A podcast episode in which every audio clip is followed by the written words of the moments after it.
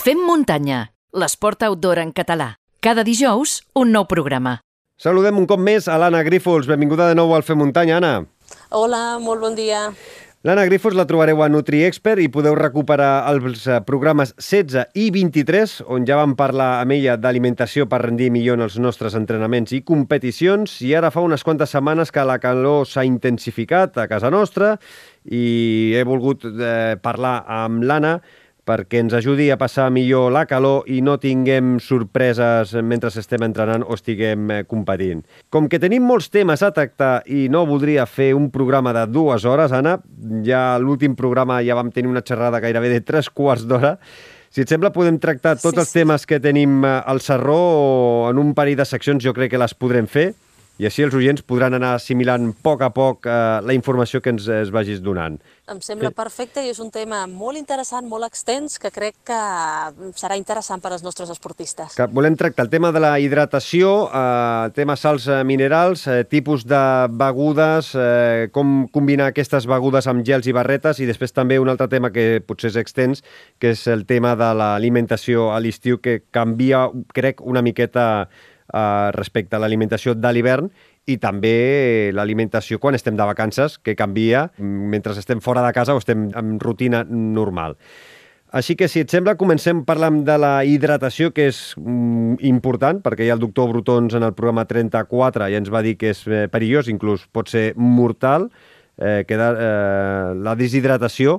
Llavors jo et pregunto, tu com a nutricionista, eh, per què és tan important les sals minerals, què ens aporten i què és el que mm, eh, fan quan estem practicant esport. Bueno, és un tema molt interessant que a vegades pues, no tenim tant en compte perquè també és veritat que varia molt la hidratació. No és el mateix hidratar-nos a l'hivern que ara ja, que, que ja comença a fer calor i més quan vivim a la costa que hi ha aquesta humitat que et fa deshidratar moltíssim. El doctor Bretons va molt ben encaminat, jo he tingut moltes xerrades amb ell, eh, no només perquè forma part del meu equip, sinó com a pre preocupació que tenim pròpia nosaltres com a professionals sanitaris esportius quan s'acosta la calor o es fan competicions i els corredors doncs, no són tan conscients com haurien del tema de la hidratació. El doctor Brotons ho diu, pot ser mortal. Sí, és veritat, pot ser mortal. Jo mateixa vaig vaig veure pues, no, no va acabar amb, amb una mort, per, per sort, però sí que va acabar amb un trasplantament de fetge, amb una competició que no estem parlant d'una competició per etapes, ni una marató de sables, ni una competició de 100 milles, estem parlant d'una competició de 50 quilòmetres on per voler perseguir el corredor del davant, un dels corredors es va saltar l'avituallament i això li va causar que ja tenia, o sigui, ja havia esgotat tots els seus dipòsits de líquid, és a dir, els bidons els portava buit, es va saltar l'avituallament, no hi havia més avituallaments fins a meta, això eren uns, eh, crec que eren 14-16 quilòmetres, i el que va passar és que va caure rodó a terra. La conseqüència final d'aquesta deshidratació va ser que va acabar amb una sobrecàrrega tan gran a nivell hepàtic que el, el fetge va dir prou, i de fet li van tindre que transplantar el fetge. Clar, hi ha moltes vegades que no ens n'adonem que una, un veure bé pot mantenir la nostra salut, no solament el rendiment, sinó ja estem parlant de salut com a, com a persones, com a éssers humans que estem formats amb un 60, 70, 80% d'aigua. Llavors, què passa? Que els esportistes, a part de que ja l'ésser humà està format d'aigua, l'esportista té més massa muscular que la gent que no és esportista. I l'aigua se'n va emmagatzemar-se a la massa muscular. Quan més massa muscular es tingui, més capacitat de deshidratar-se es té. I això, a l'estiu, doncs, s'agrauja pujar encara més per aquesta pues, altitud, si ens n'anem a fer una competició en altitud, eh, per les altes temperatures o per al fet d'estar potser a l'interior i baixar a la costa. Tots aquests fets pues, augmentaran la deshidratació. I hem de ser conscients de que hem de rehidratar-nos. Jo sempre explico que una cosa és la teoria, l'altra la pràctica. La teoria sempre diu uns 500 mil·lilitres de líquid per hora, però Xavi, tu i jo sabem de que això varia si és hivern o és estiu. A l'hivern, doncs sí, doncs un home pot prendre 500 mil·lilitres i cap problema. Una noia potser seria un pèl massa, potser amb 400 n'hi ha suficient, però a l'estiu 500 mil·lilitres amb un noi que té massa muscular és poc. Llavors, eh, normalment oscil·len els nois entre els 600, 750, 800 mil·lilitres per hora. Podríem preguntar sí, als nostres oients si a l'estiu, quan eh, surten a córrer amb temperatures per sobre dels 22-25 graus i amb certa xafogó, si quan sortim, segons estàs dient tu, 600-700 mil·lilitres eh, per hora, voldria dir que hauries de portar dos bidons de mig litro, et duraria poc més d'una hora i quart. Si aquests eh, dos bidons la gent eh, se'ls pren amb eh, poc més d'una hora o els allarguen fins més de dues hores, dues hores i mitja. Vull dir que jo crec que són pocs Exactament. els que bevem els 700 mil·lilitres de, de líquid cada hora. Exactament, sí, realment són pocs, perquè quan sempre faig els tests d'hidratació amb els meus nois, sobretot quan, quan s'acosta l'estiu, doncs ho veig i llavors és una manera molt fàcil de que ells ho vegin. El test d'hidratació consisteix en veure el que tu has consumit, però també el que has perdut a nivell de pes, perquè d'aquesta manera te n'adones que perds més del que et penses. Però és que perdre pes en base a hidratació suposa també una manca de rendiment esportiu. Per exemple, una persona de 60 quilos, perdre 600 grams suposa un 10% menys de rendiment rendiment, però això va increixendo, és progressiu. Si tu perds 1.200, doncs és un 20% menys de rendiment. I estem parlant de que 1.200 grams, un quilo 200, crec que tots ho hem perdut en algun moment i jo crec que més. Mhm. -huh. Llavors, si som conscients de que això afecta el rendiment i que afecta la salut, jo crec que estarem més predisposats a augmentar la quantitat de líquid que bevem. Ojo que estem parlant d'homes, les dones a l'estiu amb 500-550 mil·lilitres per hora, doncs poden anar bé, eh? però això és individual, depèn de la massa muscular de cada un i s'ha de personalitzar. Anna, ara parlaves del test que passes amb els teus nois. Uh, quin, quin és aquest test que puguem fer més o menys eh, a casa i saber quina és la quantitat de líquid que necessitem tant a l'hivern com, com a l'estiu? Doncs mira, jo els hi passo un, un test vale, que es basa en... Eh, és un Excel que han d'omplir amb tots els entrenos que ells vagin fent i han de ficar doncs, des de la data en què han fet l'entreno, l'hora del dia en què ha sigut, quin tipus de terreny és, si és costa, si és interior, si és altitud, a quina altitud van, perquè tot això ens serveix per veure si la hidratació o deshidratació ha sigut més acusada o no. Però després també doncs, eh, els hi fa prendre el seu pes corporal abans de començar l'entreno i quan acaben. Llavors, si jo els dic, vinga, intenteu beure 500 mil·lilitres per hora, però resulta que m'han perdut dos quilos amb un entrenament de 3 hores, havent begut aquests 500 mil·lilitres, doncs ja podem veure que aquests 500 és deficitari per ells. I ens en faríem creus a la quantitat d'homes, sobretot les dones no, són més estables en aquest sentit, però d'homes de que sorprenen i diuen, ostres, si és que m'estic deshidratant un munt. Clar, i tot això s'ha de mirar per ajustar la quantitat de líquid que tu necessites i que el dia de la competició diguis, vale, doncs jo necessitaria per anar bé beure o 700 o 800 o 900 o fins i tot un litre per hora.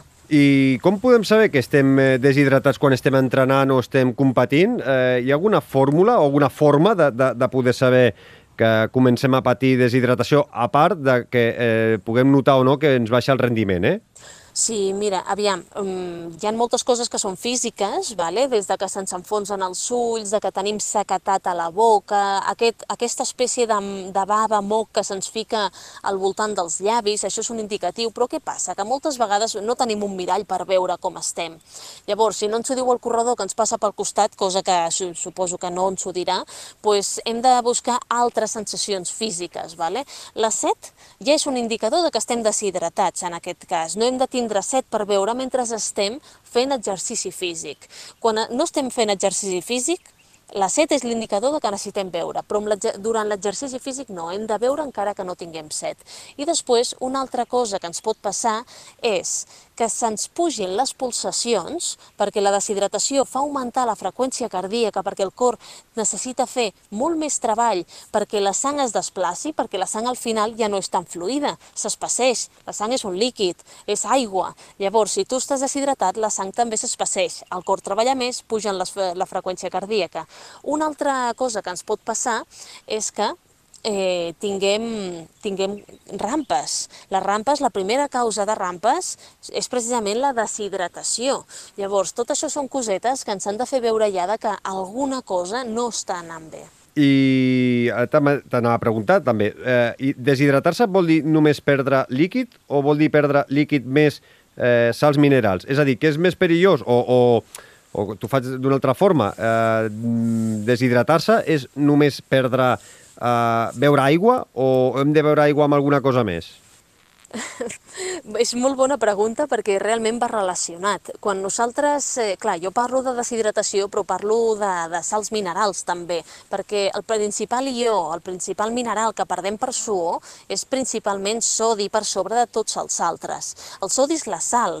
Llavors, què passa? Que és això que quan si ens fiquem una samarreta negra, que vem un entreno llarg o, amb, o al mig de l'estiu o així, que fa molta calor, i tornem a casa i la samarreta està blanca. Vale? Una competició també, que sota les aixelles o a les ingles o la samarreta també està blanca. Això és sodi. Què passa? El sodi l'hem de tornar a portar, perquè el sodi, una de les propietats que té és que ajuda a retenir aigua. Què passa? Que si nosaltres anem suant sodi i no la portem, arriba un moment que el nostre cos no és capaç de retenir aigua. I llavors, si només bevem aigua sola al llarg de tota la competició, l'estarem excretant. I és això que a vegades ens pot passar, o, o potser ha passat a algun dels nostres oients, de que no para de beure aigua i no para de tenir ganes de fer pipi, o no para de suar, no para... O sigui, realment les sensacions no són bones perquè està deshidratant-se perquè no està incorporant la sal. La sal mineral és molt important per mantenir la hidratació dintre del nostre cos i també per, perquè la suem.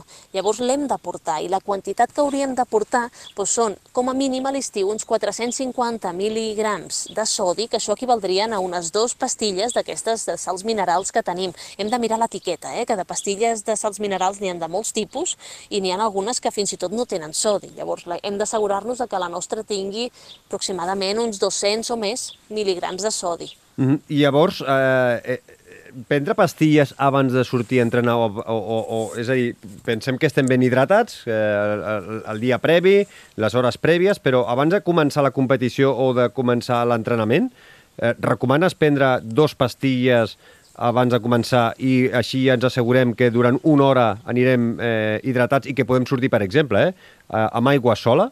Vale, vale. Això seria una... Sí, és una estratègia que en alguns moments, en alguns corredors, sí que l'he utilitzat, sobretot aquests corredors que, que no estan molt acostumats a prendre les pastilles, que en competicions curtes, en trenos de potser una hora, hora i mitja, els hi costa molt prendre la, la píldora de sal, llavors sí que ho heu fet. Però què passa? Que hem de fer-ho just abans de començar, perquè si nosaltres ho prenem massa abans, o fins i tot el que a vegades s'ha dit de, bueno, doncs fem una precàrrega d'hidratació i de sals els dies previs. Això realment no serveix absolutament de res, perquè l'aigua en qüestió d'una hora l'haurem excretat. I la sal també, el nostre ronyó treballarà més per excretar la sal via orina. Vale? Llavors, els dies, els dies previs no faria falta aquesta càrrega d'hidratació, a no ser de que anem a un lloc de molta calor, que no estiguem aclimatats i llavors haurem de fer una pauta per assegurar una correcta hidratació, però mai hiperhidratar. I llavors, però sí, aquestes dues píldores de sals que em comentaves, doncs amb un entreno d'hora i mitja i així t'oblides la sal, doncs sí, podria, podríem utilitzar-ho si al corredor li costa prendre les sals. Ara, Xavi, jo sempre dic una cosa, al final els entrenos serveix per preparar i per planificar i tastar tot el que farem a competició. A la competició no et prendràs amb una competició de 6 hores 12 pastilles abans de començar. Llavors, no, no, com clar. que ho hauràs d'anar fent al llarg de la competició, has de provar-ho en els entrenaments i has de ser capaç de, d'ingerir-les. Si no, també hi ha l'altra opció, que és l'aigua de mar, que és amb un format líquid. Al final, opcions n'hi ha moltíssimes. Mm -hmm. Llavors, eh, sobre el tema de les sals minerals, tinc alguna pregunteta més. Uh, quin, a part del sodi, quines altres sals eh, hem de tenir o hem de rehidratar-nos? Perquè moltes, normalment, a part del sodi, veiem que hi ha potassi, hi ha vials de magnesi. Són eh, tan importants com, a, com el sodi? No, no són tan importants com el sodi. Jo, de fet, si hi hagués un suplement on només hi ha sodi, jo el compraria. Per què? Perquè les altres, la proporció en què nosaltres l'excretem és mínima i no seria la primera vegada que, degut a que hi ha píldores de sals que porten massa clor, que és un altre ió que excretem per suor, però amb una quantitat molt petita, però aquest clor eh, m'ha provocat amb algun dels meus atletes eh, problemes d'estómac, d'alguna acidesa o alguna petita úlcera, mm, perquè al final el, el clor és irritant. Vale? Llavors, jo encara estic buscant, bueno, hi ha, hi ha formulacions molt més correctes que altres, però que tinguin dels altres minerals el menys possible. Per exemple, hi ha, hi ha algunes marques que fiquen més quantitat de potassi que de sodi. Llavors, no hem d'oblidar-nos de que nosaltres, en el nostre cos, les cèl·lules tenen una bomba que es diu bomba sodi-potassi. Per cada ió de potassi que entri, en surt un de sodi. Què passa? Que si nosaltres estem aportant més potassi que sodi, doncs llavors el que faran les nostres cèl·lules és treure, enviar fora una, una molècula de sodi. I és el sodi el que nosaltres ens rehidrata, no el potassi. Llavors, les nostres píldores de sals han de tindre sempre més sodi que potassi, i això és, és encara una batalla que hi ha algunes marques comercials que no són capaços de fer el canvi. Mm -hmm. Uh, llavors, uh, no sé si pots parlar-ne o no. Tu creus de, de marques uh, comercials d'aquestes píldores o, o, o també potser a part de les píldores, hi ha altres fórmules eh, de, de poder rehidratar-nos? És a dir, només hi ha les píldores o hi ha altres eh, formats de, per poder rehidratar-nos correctament? Sí, i podem... Aviam, les píldores de salts, pues, eh, hi són, fa més anys que hi és, per això pues, ho tenim més per la mà i n'hi ha moltíssimes al nostre abast, però sí que és veritat que també tenim pues, per exemple, el totum. El totum és aigua de mar líquida que t'aporta pues, aquesta quantitat de sodi pues, molt interessant perquè és el doble o a vegades el triple que una, que un, que una píldora de sal. Llavors, clar, és prendre't un totum i potser en una hora i mitja ja no t'has de preocupar més. Després també les sals s'aporten amb la isotònica, això no ho hem d'oblidar, però també ho podem aportar amb ingestes salades. I en alguns trails llargs, ultratrails o competicions molt llargues, en algunes taules d'avituallament ens trobem també que hi ha o bossetes individuals de sal o un saler, perquè el corredor a vegades va i és que sense donar-nos-en el cos ens demana el que necessitem i ens n'adonem que, ostres, et ve de gust aquella sal i agafes un grapadet de sal i t'ho fiques a la boca. Llavors, aquestes coses també hem de començar a ser conscients de que el cos ens va donant senyals de lo que anem necessitant. Llavors, per exemple, estic fent càlculs, si són 400 mil·ligrams cada hora, no?, has dit? Uh, seria gairebé un gram de sal, si, si tu tinguessis una bosseta d'un gram de sal, aquell, aquella bosseta et serviria gairebé per dues hores. Bueno, eh, la sal és, és, eh, clor, és clorur de sodi. De sodi. Mm, llavors, eh, de, de sodi realment en té un 30, 35% bueno, un 40, s'arrodoneix. Llavors, d'un gram de sal doncs, són 400 el, mil·ligrams de sodi que t'aporta. Llavors estaríem quasi, quasi fent com un tòtum d'aquests que us he dit d'aigua de mar. Són dos píldores de sal, el que t'aporta un gram de sal. Però sí, sí, o sigui, hi ha corredors que, que prefereixen prendre's doncs, un sobret de sal d'un gram doncs, cada hora. Has parlat del sodi, hem parlat del potassi, i, i aquests vials que a vegades hi ha, per exemple, de, de magnesi, són necessaris, els recomanes? I, i, i, i en cas de que diguis que sí, eh, per què serveixen? Bueno, els vials de magnesi realment sé que s'han ficat molt de moda. A mi em fa gràcia quan la gent diu no, jo pues, doncs, vaig intercalant un gel normal i un gel de magnesi cada hora. I llavors jo, si pogués parlar amb aquestes persones, perquè això ho vaig veient a les xarxes socials, els diria molt bé, tu has vist que els gels de magnesi realment no són gels perquè no porten hidrat de carboni, sinó que només porten magnesi? Dic, perquè potser llavors potser t'ho replanteges i no m'estranyaria que acabessin doncs, morts amb alguna pàjara en algun moment de la competició, perquè realment no porten hidrats de carboni, és només magnesi. Llavors, això, el magnesi, és un altre dels ions que que nosaltres excretem per suor. Llavors, és necessari? No tant com ens pensem. El magnesi serveix per relaxar muscularment. Vale? Sí que se li ha atribuït l'efecte que millora les, eh, les rampes musculars, però no és la principal causa de rampes musculars. La primera causa, com hem dit, és la deshidratació. La segona, la segona causa de rampes musculars és un dèficit de sals i llavors ja la tercera i la quarta ja serien el magnesi i el potassi o altres minerals. Llavors, si, si volem parlar de, de rampes, jo no aniria primer al magnesi, aniria a altres coses, però sí que és veritat que en persones que siguin propensos a que se'ls se agarroti els músculs o que, o que potser hagin fet un sobreentrenament, doncs per alleugerir una miqueta el múscul, potser sí que llavors seria interessant fer aquest aport de magnesi, potser abans, o els dies abans, potser 10 dies abans. I en una competició molt llarga, estic parlant de més de 8-10 hores, potser a meitat de cursa, però no seria no com a algo obligatori, sinó com a algo més aviat opcional. Mm -hmm. Mira, eh, anem acabant aquesta primera secció de dos o tres que, que, que farem eh, des d'ara fins a acabar la temporada. Eh, avui, avui estem tractant la hidratació i el tema de les sals minerals i en la propera secció parlarem de, de begudes, diferents tipus de begudes, com combinar-les. Però eh, des de la nostra comunitat Fem Muntanyera a Telegram, el Font B ens pregunta quines sals ens, ens recomanes per curses llargues i a partir de quina distància, i també ens pregunta si en pols eh, o pastilles i, i quines recomanes, eh, on trobar-les.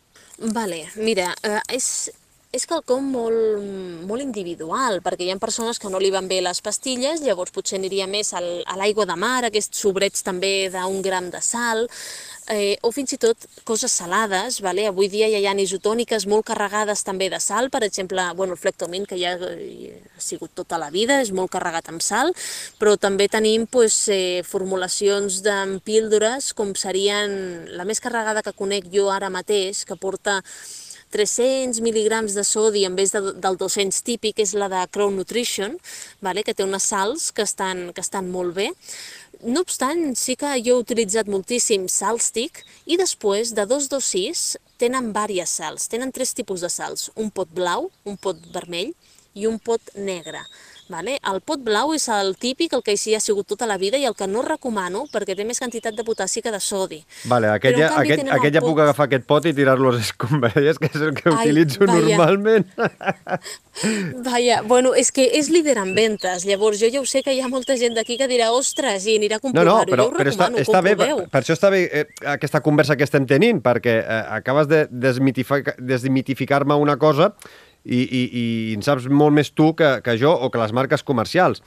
I, i per això està bé a vegades parlar-ne tu amb, amb tota la naturalitat del món i dir, doncs mira, aquestes no te les recomano per aquest motiu i que puguis donar les teves recomanacions.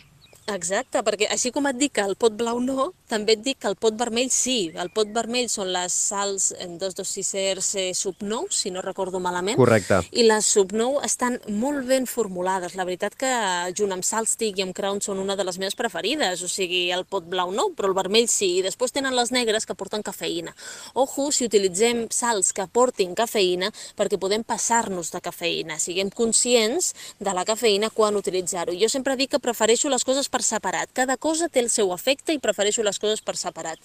I després, bueno, pues, en format líquid tindríem el Totum, que també l'acostumo a recomanar, i, i no sé si i no conec cap altra marca comercial de, de líquid, d'aigua de mar o, o format de sals líquida, la veritat. Mm -hmm. I el José també via Telegram, alguna pregunta, una pregunta que crec que has mig eh, respost durant aquesta conversa, valora la, la ingesta a tenir en compte per hora de competició i després també ens diu carbohidrats, sodi, magnesi, calci, etc. És a dir, en quins ens hauríem de fixar a l'hora de planificar l'alimentació en cursa? Vale, bueno, això potser, és un tema, és, és un tema ampli, eh? extens, eh? eh? Sí, jo, mira, el tema de la, de, el, tema de la, el tema de la beguda eh, amb els carbohidrats, jo crec que podrem parlar-ho en la propera secció per parlar de diferents tipus de, de begudes, perquè aquí ja introduïm, a part de les sals minerals, els carbohidrats. Exacte, jo crec, jo crec que sí. Eh? De fet, anava, anava a proposar exactament el mateix i de respondre-li només la part del sodi, de les quantitats. Les quantitats mínimes, les he dit abans, són aquests 450 mil·ligrams de sodi. Les màximes són 1.150. És a dir, que 1.150 estem parlant de 5 píldores de sals. O sigui, és relativament... És bastant hora. difícil per hora, per hora estem parlant. Llavors és bastant difícil passar-nos de sals. Això, ojo, eh? estem parlant d'una persona que està sana, que no té hipertensió ni s'està medicant de, mm, per, per res, sí, ni que no tingui cap problema a nivell de ronyó. Si tenim alguna malaltia a nivell de ronyó o, o tenim hipertensió, les recomanacions potser podrien variar. Mm -hmm. vale? Però, clar, fixa't la quantitat de sals que podem utilitzar. Mm. Doncs, eh, si et sembla, Anna, ho deixem aquí eh, i en la setmana vinent eh, continuem eh, enganxats a la pregunta aquesta del José i així ja introduïm a les begudes i ens introduïm a, amb aquestes mescles entre sals, carbohidrats, què podem combinar i com les podem fer les nostres begudes casolanes. Et sembla bé? Molt bé, em sembla fantàstic. Moltíssimes gràcies. Anna Grífols eh, és experta en nutrició, la trobareu a NutriExpert i, com sempre, un plaer xerrar i aprendre d'ella. Cuida't, una abraçada. Una abraçada. Visita la nostra web femmuntanya.cat